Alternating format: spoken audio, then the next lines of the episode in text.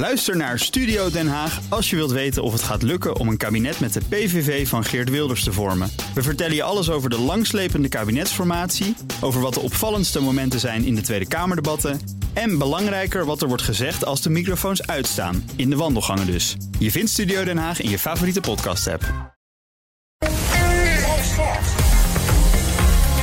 BNR Nieuwsradio. BNR breekt. Ivan Verrips. Goedemorgen en welkom. Vanaf half twaalf praat ik over het nieuws van de dag. Over een frisdrankentax. Die zou totaal niet helpen. Vinden de frisdrankenfabrikanten. Ja, zo lust ik er nog wel een paar. En Joe Biden trekt de knip. We will forgive $10,000 in outstanding federal student loans. Ja, moet Nederland volgen. Dat ga ik allemaal bespreken vanaf half twaalf met mijn panelleden Munja Houari, oprichter van Groei IT, en Pieter Lossi, adviseur van de VO-raad. Goedemorgen. Goedemorgen. Fijn dat jullie er zijn, allebei terug van vakantie. Zeker weten. Helemaal scherp. Zeker. Ik moet nog, dus ik ben zo afgezakt als het maar kan. Maar eh, fijn dat jullie er zijn. Eh, we gaan beginnen met... BNR breekt. Breekijzer. Ja, dat heeft te maken met de vlie... Dat heeft te maken met... zakelijke reizigers. Want die stappen weer massaal in het vliegtuig. Wat cijfers na rondgang van BNR. KLM heeft zo'n 85% van het aantal zakelijke reizigers... van voor de pandemie aan boord. Lufthansa zit op 50%, verwacht snel naar de 80% te groeien. Delta zit qua aantal daar een beetje tussenin... als het om zakenreizigers gaat. En dat toch allemaal na ronkende berichten tijdens eh, de coronaperiode... dat we dat vliegtuig niet meer nodig hadden. Want we hadden Teams en Meet en Zoom en WebEx en WhatsApp en Skype en FaceTime Messenger. Kortom, bye bye, zwaai zwaai met je collega in Amerika. Maar niet dus. Is dat erg en blijven we toch gewoon met z'n allen reizen? Ons breekijzer vandaag. Het is naïef om te denken dat we minder gaan vliegen. Wat denk jij? Pak je telefoon, bel naar 020 468 4x0. Misschien ben je het eens omdat we ja, sociale dieren zijn. En als je een deal gaat sluiten in de Italiaanse markt... dan moet je toch even in die kist naar Rome stappen. Kost bovendien niet zoveel. Of denk je, nee, we moeten alles in het werk stellen... om met deze manier van reizen een halt toe te roepen... en dus toch meer gebruik te maken van ja, die eh, eh, digitale mogelijkheden. 020 468 4x0. Je mag ook van je laten horen via Instagram. Zoek even op BNR Nieuwsradio, vind je ons daar. Maar het leukste is even bellen. 020 468 4x0. En ik ben natuurlijk ook benieuwd of jij je reisgedrag aangepast hebt. Zometeen hoor je hoe mijn panelleden erover denken. En hoe luchtvaartdeskundige Melvin Broekaert over dit onderwerp denkt. Maar ik begin eventjes bij eh, Hugo Hoepermans, directeur van Anders Reizen. Coalitie van bedrijven die eh, ja, een andere manier van reizen voorstaat. Goedemorgen, Hugo. Goedemorgen, Ivan. We hebben jou eh, de afgelopen nou, maanden, jaren eigenlijk eh, regelmatig gesproken over dit onderwerp. En dan vanda- vandaag in het nieuws, eh, en ook eerder deze week al, eh, zakenreizen bij KLM is weer helemaal hot and happening. Hoe komt dat bij jou aan? Ja, ik, ik, herken het helemaal. En vanuit onze eigen coalitie dat, eh, eh, dat mensen gewoon meer gaan reizen. En dat past eigenlijk ook wel in de trend die we breder zien. Dat zien we in de zomervakantie, dat mensen na twee jaar weer eens op vakantie willen. Maar dat zien we ook bij eh, het eh, thuiswerken. Dat iedereen een beetje moe was van het teams en zoekt naar een nieuwe balans. Ja. Het, en dat, maar uiteindelijk zien we toch, ook wel bij het thuiswerken, dat er een normalisatie optreedt. En bij het vliegen zien we eigenlijk nu hetzelfde. Dat bij bedrijven wordt er weer meer gevlogen. Het kan weer. Je kunt elkaar ontmoeten. Azië gaat ook weer open. Dat krijgen we, krijgen we terug. En eh, mensen willen, willen, willen elkaar ook weer zien. Ja. Ehm, tegelijk zien we dat, ehm, eh, dat bedrijven in die coronatijd ook een reisbeleid hebben aangepast. Dus bij de wij- vertegenwoordigen zeg maar 70 grote corporates, een half miljoen Nederlanders. En we zien dat die allemaal hun reisbeleid hebben aangepast. Oké, dus die zit allemaal niet meer in het vliegtuig. Of toch ook weer wel? Ja, zeker wel, zeker wel. Maar je ziet veel meer dat, dat de vraag over wat is noodzakelijk ter discussie is gesteld. Dat betekent dat je er altijd kunt gaan vliegen of altijd reizen, dat er veel bewustere keuzes in gemaakt worden. En eh, dus bijvoorbeeld digital first is, eh, is vaak het eh, adagium. Maar ja, je kunt nog altijd kijken van, ja, mo- moet ik vliegen? Maar twee, als je dan eh, moet reizen, kan het ook op een andere manier. Dus we zien dat er veel bedrijven ook eh, zeg maar, eh, met de trein of de, of de elektrische auto op kortere afstanden. En als je dan gaat vliegen, ja, dan, dan kies voor directe vluchten. Minder business class op, op korte vluchten. Je, daar zit ook veel eh, CO2-besparing Oké. in. Dus eigenlijk iedereen die nu in het vliegtuig zit, dat is noodzakelijker dan vroeger, denk jij, als het goed is. Ik denk binnen de bedrijven, uh, binnen Anders Reizen, merk ik dat, dat dat gesprek veel meer, uh, het, veel meer aan de orde van de dag is dan voorheen. Oké, okay, Moeja, ik zag jou een beetje met je hoofd schudden. Ja, met name zeg maar dat beleid rondom thuiswerken binnen organisaties. Ja, tijdens corona werd het geaccepteerd, maar ook meer omdat het noodzaak was. Ja. Maar je ziet juist na corona dat we organisaties daarvan terugkomen, een nieuw thuiswerkbeleid ook hebben opgesteld, waarbij ze ook mensen verplichten om bepaalde dagen op kantoor te zijn. Mm -hmm. Of in ieder geval een bepaalde percentage weer terug naar kantoor te komen komen. En je merkt toch wel daar een soort van eh, gap. Dat de medewerker graag thuis wil werken. Natuurlijk is daar iedereen anders is. Maar in de IT-techwereld, de techneut, vindt het wel heel lekker om vier, vijf dagen thuis te werken.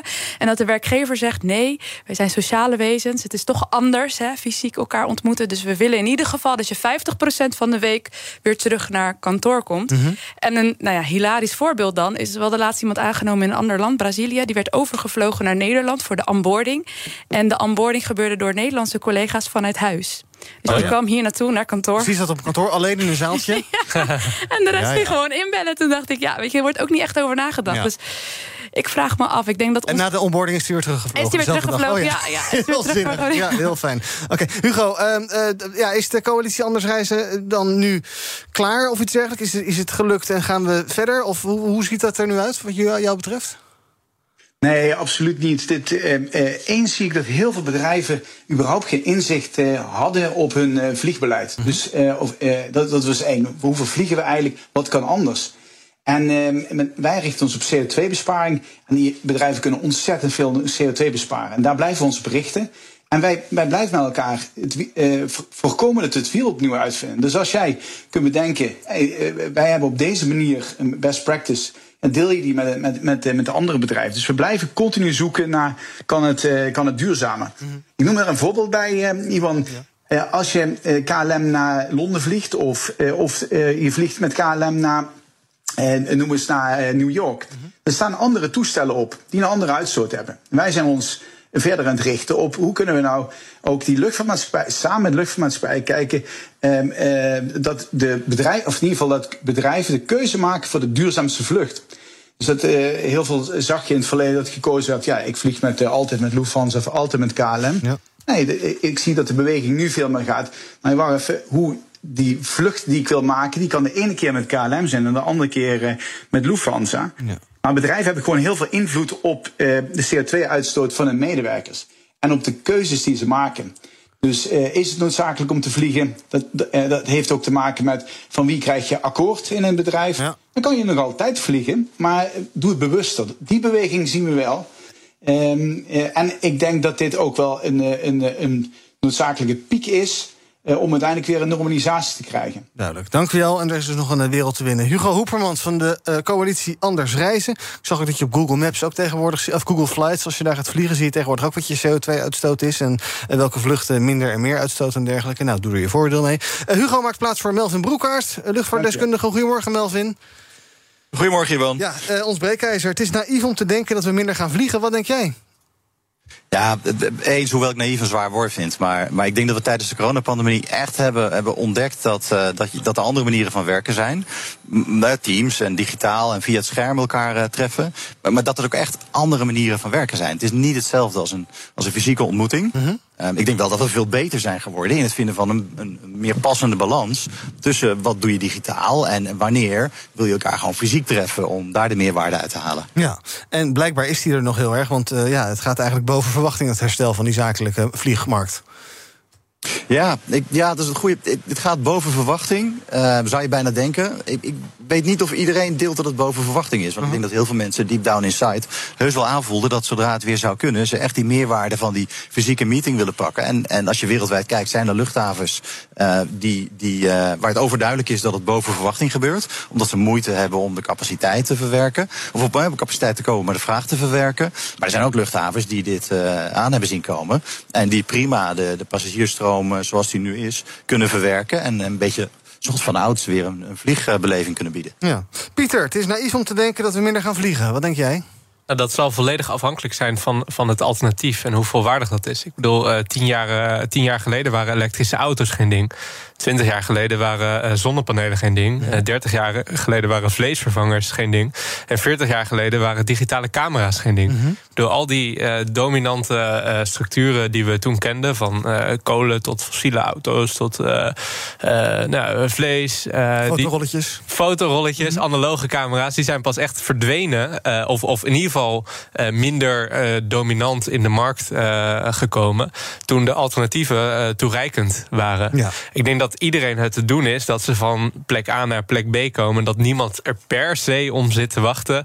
dat ze eerst vier uur in de rij moeten staan bij Schiphol voordat mm -hmm. ze ergens terechtkomen. Het lastige is alleen dat uh, uh, als je nu gaat kijken, als ik nu bijvoorbeeld uh, dit weekend een uh, interrailplek ergens wil bestellen, ja. dan kan dat eigenlijk al niet, omdat de capaciteit niet toereikend is. Ja. Dus jij zegt eigenlijk de alternatieven zijn gewoon niet goed ja, genoeg. En, en, daardoor gaan we met z'n allen weer blijkbaar weer vliegen. Exact. Ja. Laten we kijken hoe onze bellers erover denken. Het is naïef om te denken dat we minder gaan vliegen. 020 468 4 keer 0 als je wil reageren. Ralf, goedemorgen. Ja, goedemorgen. Ik uh, is inderdaad naïef als je erover nadenkt. Want ik ben mijn hele leven lang in de verkoop. Ik ben een verkoper. Ondertussen werk ik, uh, ben eigenlijk mede-eigenaar van het bedrijf. We zitten in 57 landen wereldwijd in de verkoop. Ik leid het verkoopteam. Mm -hmm. En wij hebben zelf ondervonden dat uh, juist door met teams te werken... dat de klant, de band met onze klanten wat minder werd. Ja. Nieuwe klanten werd zelfs moeilijker. En doordat we reizen en weer naar de klant toe gaan, dat heet in ons vak facing, ja. hebben wij ook onze omzet gewoon weer met gewoon 30, 40 procent zien terugkomen en ook de, de banden met onze klanten beter. En daarom is het heel logisch dat wij in een vliegtuig moeten stappen. Dat gebeurt ook. Uh, gezicht tegenover elkaar ontstaat een chemistry waardoor de handel beter ontstaat. Je krijgt gevoel ja. met elkaar, je krijgt gevoel met het product, met de locatie. En daarom is het reizen belangrijk. En daar hoort inderdaad het vliegreizen bij. Ik praat niet over vakantiereizen, maar zuiver uh -huh. over zakenreizen. Ja. En Noodzakelijk. Denk, denken jullie er wel bewuster over na hoe je reist, of is dat eigenlijk ook zoals voorheen? Ik heb mijn hele leven lang bewust gereisd. Ik ben uh, 1,63 meter groot. Dus ik heb mijn hele leven lang uh, toeristenklas gereisd. En dat ja. ben ik blijven doen. En dat doe ik nog steeds. Want ik heb nooit meer bezig gehouden met veel geld uit uitgeven. Nee, ik heb ook gezorgd ja. dat we bewust reis. Ja, en ik bedoel meer als je naar, uh, naar Parijs gaat... dat je niet het vliegtuig neemt. Dat soort zaken. Heb ik nooit gedaan. Nee. Ik rij uh, ongeveer 100.000 kilometer per jaar in mijn auto. Nederland, Duitsland, Oostenrijk, Zwitserland rijd ik zelf af.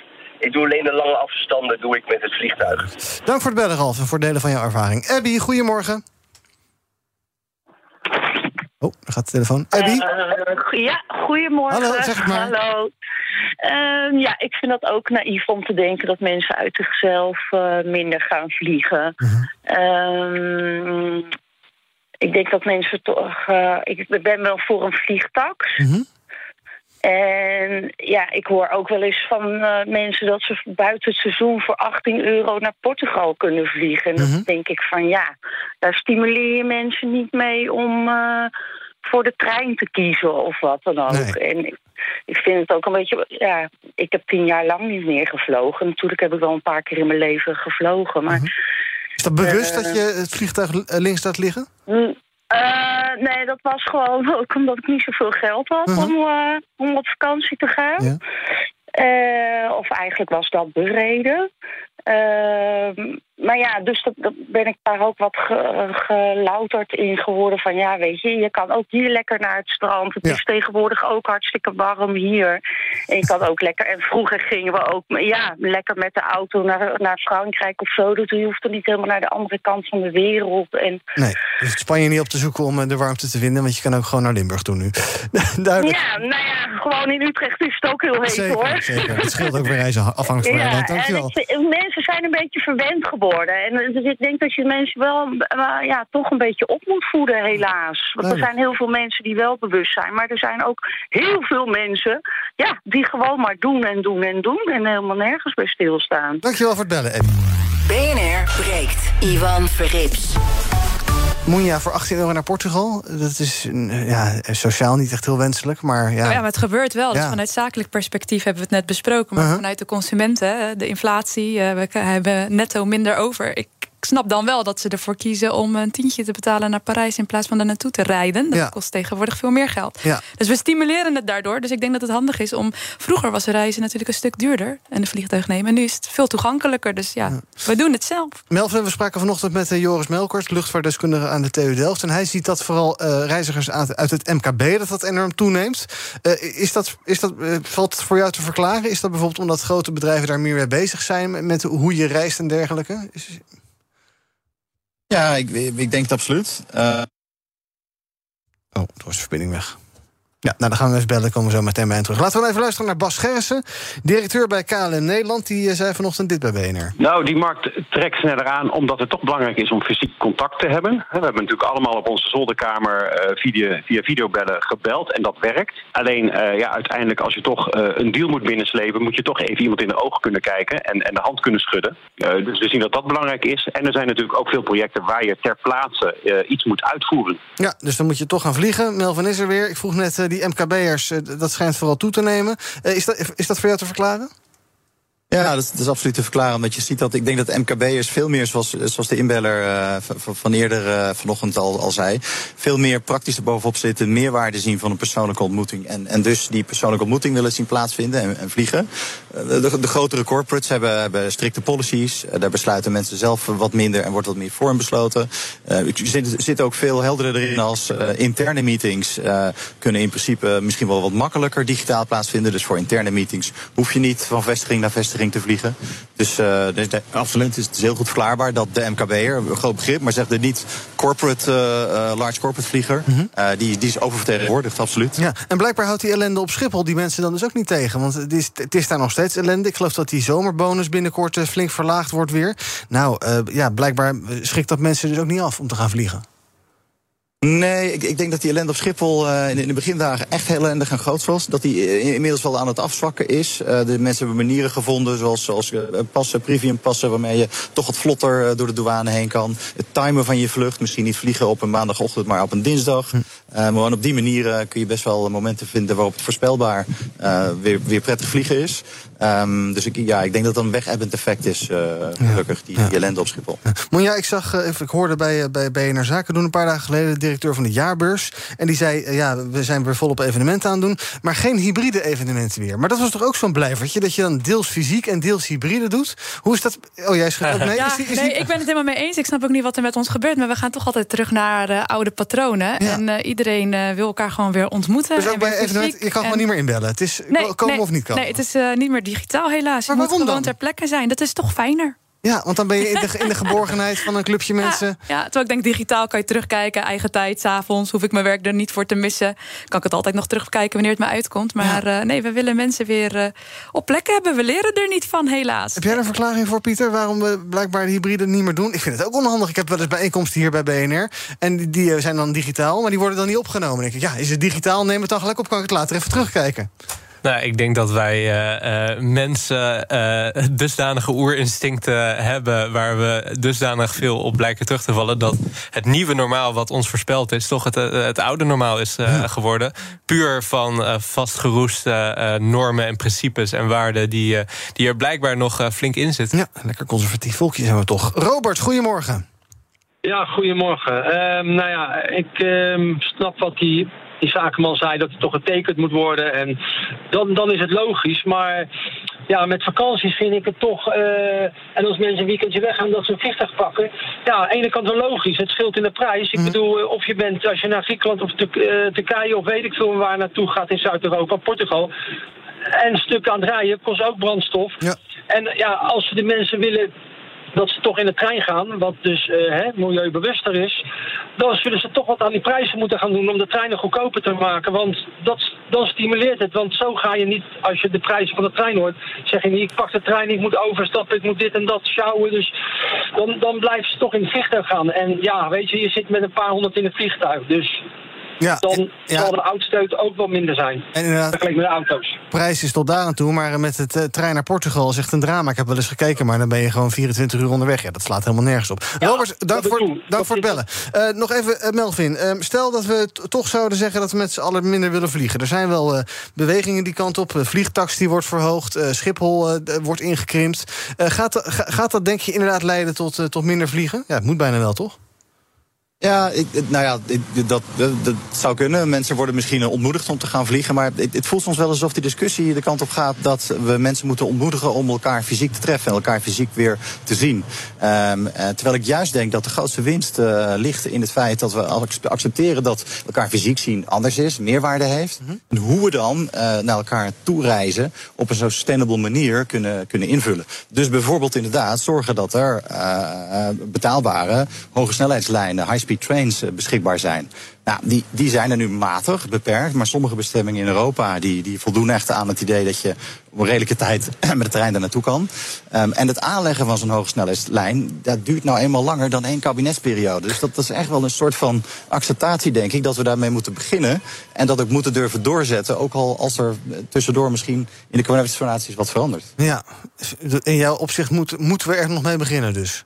Er zijn wel wat goede Ja, Ja, ja. Parijs, we eerlijk zijn, kun je fantastisch met de trein naartoe. Maar eh, de gemiddelde Duitse locatie is al best wel vreselijk, omdat het ontzettend veel tijd kost. En dan hebben we niet eens over de betaalbaarheid van, van, de, van de tickets van de reis. Nee. Want die blijft vaak ver achter bij waarvoor je eh, naar die bestemming zou kunnen vliegen. Ja. Neem niet weg dat het 19 euro kaartje voor een vliegtuig ook iets van het verleden is. Maar dat is een hele andere eh, discussie. Nou, dat zei Michael O'Leary ook laatst hè, van Ryanair. Die zei ook van ja, onze ge- de, de- de prijzen gaan echt nou ja, voor 20, 30 procent omhoog de komende tijd. Dat is ook iets wat jij herkent. Absoluut. Ja. Ja. Oké, nou Melvin, dankjewel. Melvin Broekhart, luchtvaartdeskundige, luchtvaartondernemer ook. Ons breekijzer. Het is naïef om te denken dat we minder gaan vliegen. Onze luisteraars op Instagram eh, hebben daar ook niet heel veel eh fiducie in. Want 92 procent is het er mee eens. Dus we blijven gewoon lekker vliegen. Maar jij zegt dus, Pieter, eh, alternatieven goed ontwikkelen... en dan moet, je, moet dat ja, vanzelf aantrekkelijk worden... en dus misschien ook vliegen eerlijk beprijzen. Want, want als je 18 euro betaalt voor een ticket... Wat, ja, wie betaalt dan eigenlijk de rest? Zeker, en als we, als we met de trein reizen of met, met de elektrische auto... nou ook echt sexy maken en er gewoon campagne omheen maken... en niet een regering hebben die steeds maar weer geld pompt... in een eh failliete KLM of een Lelystad Airport wil openen... dan eh, komt misschien ook de boodschap richting eh, de massa beter over. Zometeen gaan we praten over het nieuws van de dag. En je kan nog de hele dag eh, eh, van je laten horen op Instagram. Dus zoek even BNR Nieuwsradio. Het is naïef om te denken dat we minder gaan vliegen. Daar kan je stemmen. Zometeen gaan we praten over het andere nieuws van de dag. Artsen zonder grenzen. Dat voor het eerst in zijn bestaan in actie moet komen in Nederland. Hoe beschamend dat is en of ons land een soort eh, derde wereldland aan het worden is. En de eerste reactie van de st- eh, verantwoordelijk staatssecretaris van de Burg. Hoor je zo meteen. Gaan we zo meteen bespreken in BNR Breekt. Ook Diana Matroos vind je in de BNR-app. Ja, inderdaad. Je kunt live naar mij luisteren tijdens de Big Five. Ook handig in de BNR-app. Breaking nieuwsmeldingen, maar ook het allerlaatste zakelijke nieuws. En je vindt in de app alle BNR-podcasts, waaronder Wetenschap Vandaag. Download nu de gratis BNR-app en blijf scherp.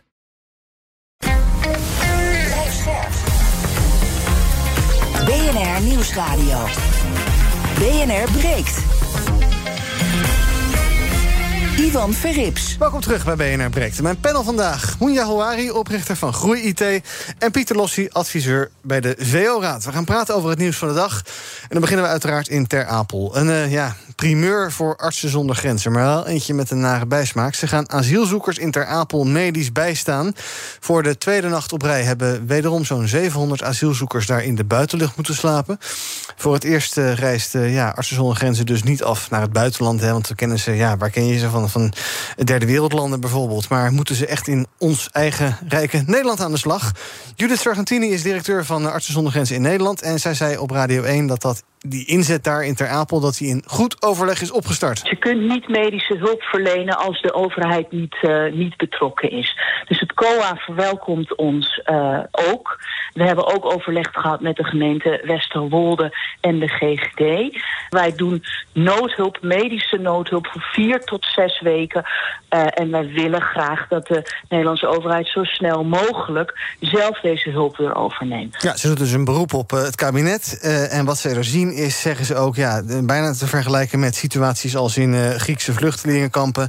mensen die heel lang niet gedoucht hebben, waardoor huidziekten zijn geconstateerd. Nou ja, mensen die in de buitenlucht slapen dus. Mensen die geen medicijnen hebben, chronisch zieken. Die zijn door een voorraad medicatie heen, die ontvangen geen nieuwe medicijnen. En ze zeggen ook, uh, dit gaat gewoon leiden tot, uh, tot enorme rampen. Uh, en daarom zijn zij daar actief. Um, ja, um, Moeja, het is, dit was natuurlijk al een dossier om van de jank. Om weg te kijken in, in, scha in, in, schaamte. En te denken, dit is toch niet in Nederland hoe wij met elkaar mensen omgaan. Maar uh, wat zegt het jou dat AZ, uh, AZG daar tegenwoordig uh, actief is? Ja, super triest. Ik denk echt een dieptepunt. Ik, ik snap het ook niet, want het is al een tijdje gaande. Het gaat ook maar om 700 mensen. Sorry, maar het is ook niet dat het massaal om duizenden mensen gaat. Het gaat om 700 mensen. Ik las zelfs in de Volkskrant was dat vanmorgen... dat er een baby was overleden ja. van drie maanden oud. Gisteren Dinsdag op woensdagnacht. Ja, wordt nog onderzocht wat er is gebeurd. Dat zwangere vrouwen daar uh, onwel worden. Ja, dat is gewoon uh, niet menselijk. Ik snap niet dat wij met zo'n zo'n rijk land... met zoveel bedrijventerreinen die leegstaan... gewoon niet heel makkelijk 700 mensen onderdak kunnen geven. Dus nee. het is echt slecht, slecht, slecht leiderschap. Ja, ja, en als je dan zegt, er staan opeens 500.000 mensen voor de deur... dan, kan, dan snap ja, je nog snap dat ik het. het zijn is, 700 maar, mensen ja. die zich ook nog eens... in een bepaalde periode hebben ontwikkeld. Uh, in de zin van dat er niet 700 in één dag, stonden, nee. maar per dag komen er een aantal bij. Het is gewoon diep triest dat wij dit niet kunnen opvangen. Ja. Erik van den Burg, de staatssecretaris die over asielzaken gaat... die zegt dat het aan de ene kant heel erg is... dat artsen zonder grenzen naar Ter Apel moet komen. Aan de andere kant is hij wel heel blij dat ze dat doen... want het helpt wel om de kwaliteit daar te verbeteren. Um, ja, Pieter, het doet toch wel denken aan uh, wat we al zeiden. Artsen zonder grenzen is een uh, organisatie die ken je uit... Ik zeg maar eventjes Afrikaanse landen waar het allemaal heel erg is... en andere, andere arme landen. En nu zitten ze in Ter Apel. Ja? Ja, wel heel fijn dat ze uh, niet kijken naar een bepaald land, maar naar een bepaalde situatie. En dat ze dus geconstateerd hebben dat het nu uh, gewoon nodig is om hier in te grijpen. Eigenlijk ongeacht het feit dat we uh, in principe in het verleden een reputatie hebben gehad waarin dingen toch wel redelijk georganiseerd konden worden. Mhm. Die reputatie zijn we nu natuurlijk wel ten spijt en met heel veel schaamrood, ook op mijn wangen, kwijtgeraakt. Ik snap niet dat we niet heel veel meer noodmaatregelen inzetten. In de zin van, volgens mij kun je het leger hier inzetten om dingen in ieder geval te, te begeleiden en te organiseren en te faciliteren. Wat al door mijn door, ja, werd aangegeven dat er heel veel bedrijfspanden en uh, gymzalen en noem maar op beschikbaar zouden zijn om in ieder geval de, de, de grootste eerste klap uh, op te vangen. Ja, dit, dit mag natuurlijk niet uh, nergens ter wereld, maar helemaal niet met de welvaart die wij hier in Nederland nee. hebben. En dan worden de tenten geleverd en dan worden die weggehaald. Ja. Al dat soort rare dingen. Ja, dus daar zal vast wel een afweging in zitten. Ja. Ik bedoel, uh, als je dat leest, dan, dan blijkt dat daar veel uh, ruzie door ontstaat. En dat er ook een argument te geven zou zijn uh, betreffende de brandveiligheid.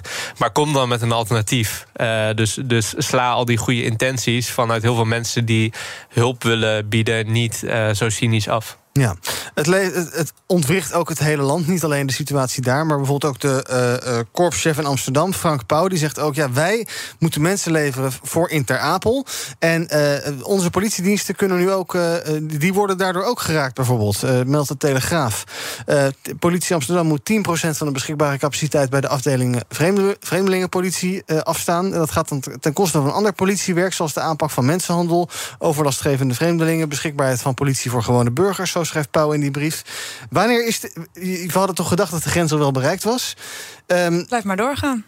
We hebben wel een spoed, of een, een, een kabinet van een kamer die terugkomt van reces voor een AD-interview. En dit gaat gewoon nog even zo weken door waarschijnlijk. Het voelt ook niet als noodzaak. Het is niet dat er nu ineens Nee, drastische oplossingen zijn of uh, keuzes worden gemaakt om die mensen te helpen. Het suddert maar door. En het gevaar is wel, en dat lees je ook, er zijn natuurlijk wat vechtpartijen al. Mensen Ja. worden natuurlijk grimmig. Mensen slapen. Ja, het gaat over echt uh, blijf je in leven of uh, ja of nee. Dat is echt de basis. Dus er komt een oerinstinct. Er gaat gewoon ruzie komen. Het gaat gewoon escaleren. En dat is echt een kwestie van tijd. En ik heb niet het idee idee dat de overheid dat zo voelt. Die denken van het komt wel, het staat ergens op ons lijstje. Hm. En dat vind ik wel triest om dat zo te zien. Ja. We hebben natuurlijk ook het idee gehad om uh, uh, gemeenten te dwingen om uh, asielzoekers op te nemen. Nou, we hebben het voorbeeld in Tubbergen gezien. Dat loopt natuurlijk ook allemaal niet zoals dat zou moeten gaan. Pieter, zou je ervoor zijn om daar ja, toch meer, meer dwang op in te zetten en die mensen door te laten stromen, ook als gemeenteraden zeggen: joh, wij, wij zijn er nog niet uit? Nou, ik ben het eens met Moenja dat, dat, dat we nu in een fase terechtkomen waarin het kan gaan escaleren. En dan moet je denk ik overgaan tot de conclusie dat wat. Ja, kan, gaan escaleren. Het is toch al geëscaleerd? Nee, zeker. Dus uh, in grote mate wel. En het is onmenselijk wat, wat daar uh, plaatsvindt. Maar echt waarin er nog meer gewonden of doden zullen hm. vallen. Dat, dat, die fase zou kunnen komen als we niet spoedig met een oplossing komen. Uh, en dan moet je, moet je volgens mij tot een stadium overgaan waarin je zegt: alles wat kan, dat moet. en dat betekent dan dat je in inderdaad als, als overheid op dat moment even collectieve en, en, en mensenrechtenbelangen zwaarder moet wegen dan uh, de belangen van een bepaalde plaatselijke bevolking op mhm. dat moment. En ervoor moet zorgen dat je in, in samenwerking met gemeenten alsnog in, in zoverre dat kan voor opvang zorgt. En als dat niet lukt in Nederland, gewoon qua capaciteit, want dat is ook een groot probleem. Hè, dat de mensen die nu in bijvoorbeeld AZC zitten, niet kunnen doorstromen naar woningen, puur omdat we een woningtekort hebben. Dat we dan misschien toch uh, bijvoorbeeld met de Duitse overheid uh, gaan praten. Dat hebben we ook in de coronacrisis gedaan. Om ervoor te zorgen dat we door de hoeveelheid kwantiteit niet te veel inleveren aan kwaliteit voor ja. die mensen die hier daadwerkelijk terecht zouden mogen komen. Goed, een dossier dat ongetwijfeld vervolgd zal worden. Ik denk ook wel in uh, andere landen bekeken zal worden. In de zin Zeker. van, ik zie eens hoe het daar gaat in Nederland. Dat landje dat het altijd zo hoog opheeft als het gaat om dit soort zaken. Oké, okay, we gaan praten over heel ander nieuws. Totaal iets anders zelfs. Frisdrank. Een belasting op frisdranken gaat niet helpen tegen overgewicht. Denkt de Nederlandse Vereniging van Frisdranken, Waters en Sappen. Dus dat is de belangenclub, de makers van die frisdranken. Die zien uiteraard zo'n belasting niet zitten. Zij zeggen, de overheid gebruikt die heffing als melk koe, ik zou zeggen cola-koe. De brancheorganisatie vindt de frisdranktax onverantwoord en niet effectief, zeggen ze in een oproep aan Tweede Kamerleden en het kabinet.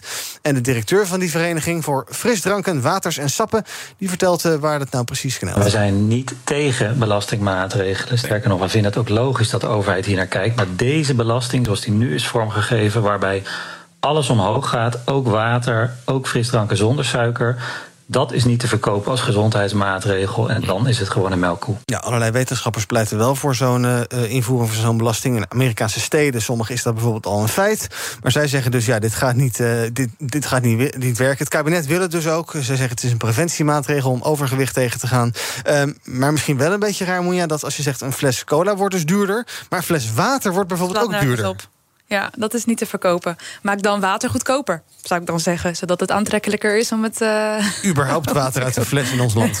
Maar goed, gratis. Dat is een heel ander Ja, of we moeten meer sporten. Hè? Dat kan ook uh, preventie zijn. Hè? Je hoeft niet per se uh, eten en drinken van ons af te nemen... of duurder ja. te maken. We kunnen ook meer gaan bewegen. Daar kan je natuurlijk ook op gaan. Ben jij een beetje een cola-drinker? Nee, totaal niet. Oh, nee, ik ook totaal echt niet. Nee, dat is fijn. Ik heb altijd mijn dopper mee. Mensen herkennen me echt aan mijn dopper met water. Ja, die maak je wel regelmatig schoon, toch? Ja, dat klopt. Ja. Uh, en, en dat, hele vieze uh, randjes. Ja, dat, dat, dat is wel een beetje waar. Ja. Maar verder hou ik wel van, uh, van mijn dopper. Okay, maar wat wel, wat je aangaf, het is wel in die zin natuurlijk uh, een slechte verdediging van het kabinet door het op het argument van gezondheid te gooien. Als je alle uh, dranken en ook wateren en uh, sappen extra gaat belasten. Mhm. Mm -hmm. Tegelijkertijd, het staat iedereen natuurlijk vrij om een dopper of een andere fles te kopen. Of gewoon uit de kraan te drinken met super schoon en, en, en goed water. In ieder geval internationaal gezien.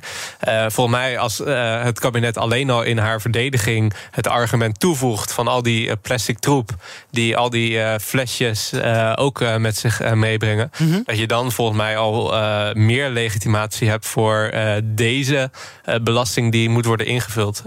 ja, moet uiteindelijk 300 miljoen per jaar gaan opleveren, geloof ik. Ja. Die directeur van die frisdrankenclub die zegt ja, in deze tijd, die pikt ook een graantje mee van het nieuws. Die denkt ook, ja, consumenten hebben het allemaal duurder. Dan is het een beetje asociaal om meer te vragen voor cola. Dus die zegt eigenlijk moet je de economische omstandigheden meenemen en zo'n eh, belasting nu niet invoeren.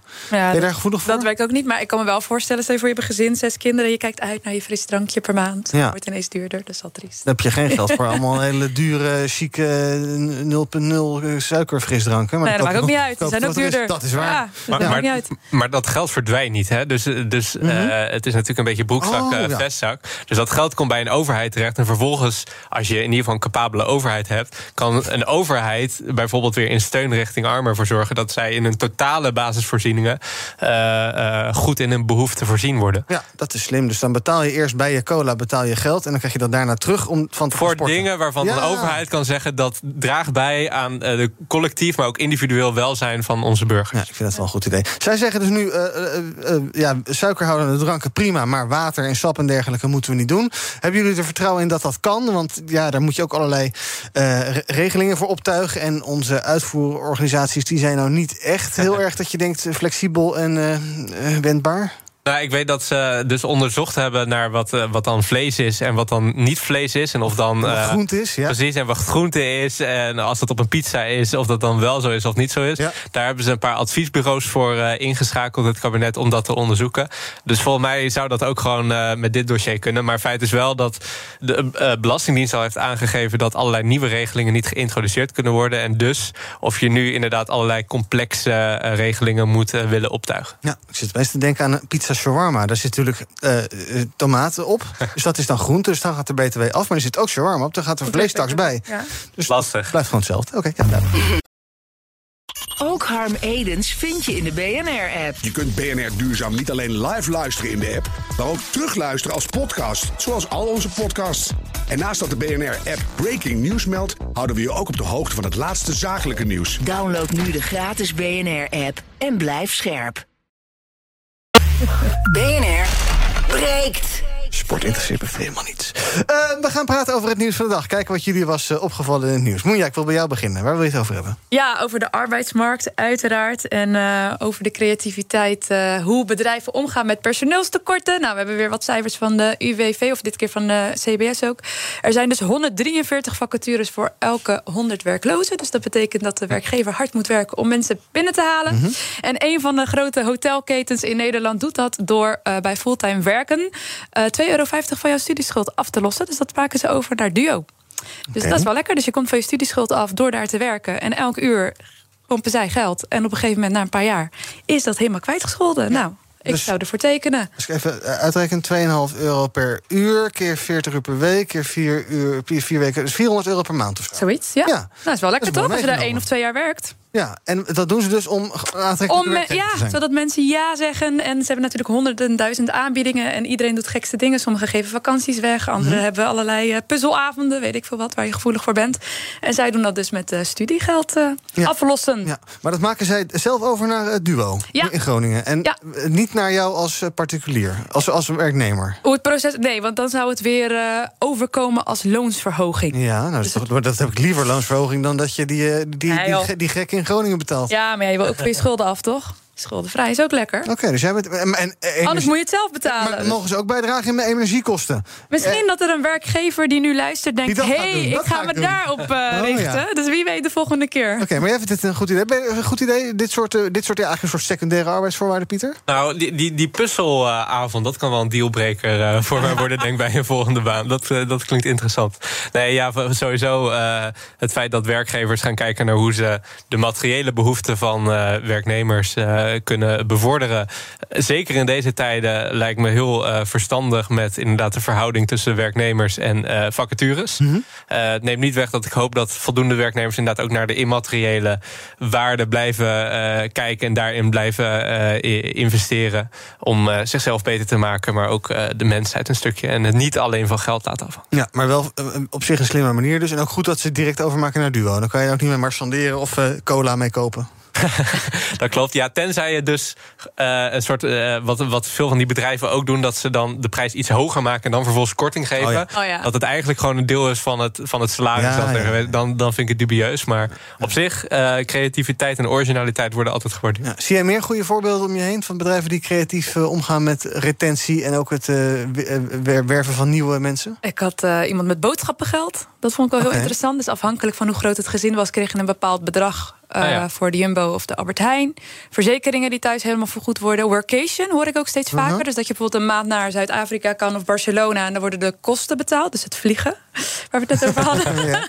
En het verblijven. En voor je partner wordt ook een vliegticket oh. betaald. En dan mag je vanaf daar werken. En dan heb je allemaal leuke dingetjes, oh. etentjes en zo. Dus, uh... Ik zag Sandra Flippen van ABN AMRO. Die zat bij Zomergast. En die zei, uh, als je zoveel tijd bij ons werkt... dan mag je betaald met sabbatical. Een, een tijdje, twee of drie maanden of zo. Nou, nou best slimme dingen.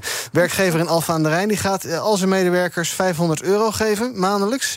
Uh, ongeacht de hoogte van het salaris. En of iemand fulltime of parttime werkt. Ook op die manier willen ze iets doen aan uh, oplopende rekeningen. Dat haalt dan opeens het nieuws. Eén werkgever die iets doet. Dus je kan best wel nou, met creatieve dingen toch je mensen steunen. Je ja, het zijn werkgevers die tegenwoordig solliciteren. Niet meer ja, precies. medewerkers. Ja, nou, dus, ook wel, ook wel, goede ontwikkeling. Ook wel ja. gezond, toch? Een beetje vechten. Bel maar, ik sta overal voor ja, Pieter, waar wil jij het over hebben? Je wil het hebben over Emmanuel Macron, geloof ik. Ja, dat is de Franse president. En hij heeft gisteren een speech gegeven richting het Franse volk. En hij waarschuwt eigenlijk de bevolking voor een einde aan de zorgeloosheid en aan de overvloed die we nu in het verleden hebben meegemaakt, eigenlijk als mensheid in het Westen. en hij geeft aan, ja, dingen worden nu duurder, maar dat is de prijs die we betalen voor vrijheid, voor mensenrechten, voor democratie, voor veiligheid. En dat moeten we accepteren. Dus eigenlijk gaat hij mee met het narratief dat we misschien in sommige dingen wat soberder moeten zijn en wat, wat hardere keuzes moeten maken. Uh, en ik vind het goed dat Macron dit uh, uh, benoemt. Het is namelijk zo dat als je gaat kijken naar de crisissen waar we nu mee te maken hebben, dat het eigenlijk bijna allemaal voorkomt uit schaarste. Mm -hmm. In de zin van we hebben te weinig broeikasgasruimte, stikstofruimte, beperkte planeet, beperkte fossiele energie, water hebben we tekort, woningen hebben we tekort, we hebben een tekort aan mensen. Dus we worden op. Maar wel, alle... wel te veel stikstof.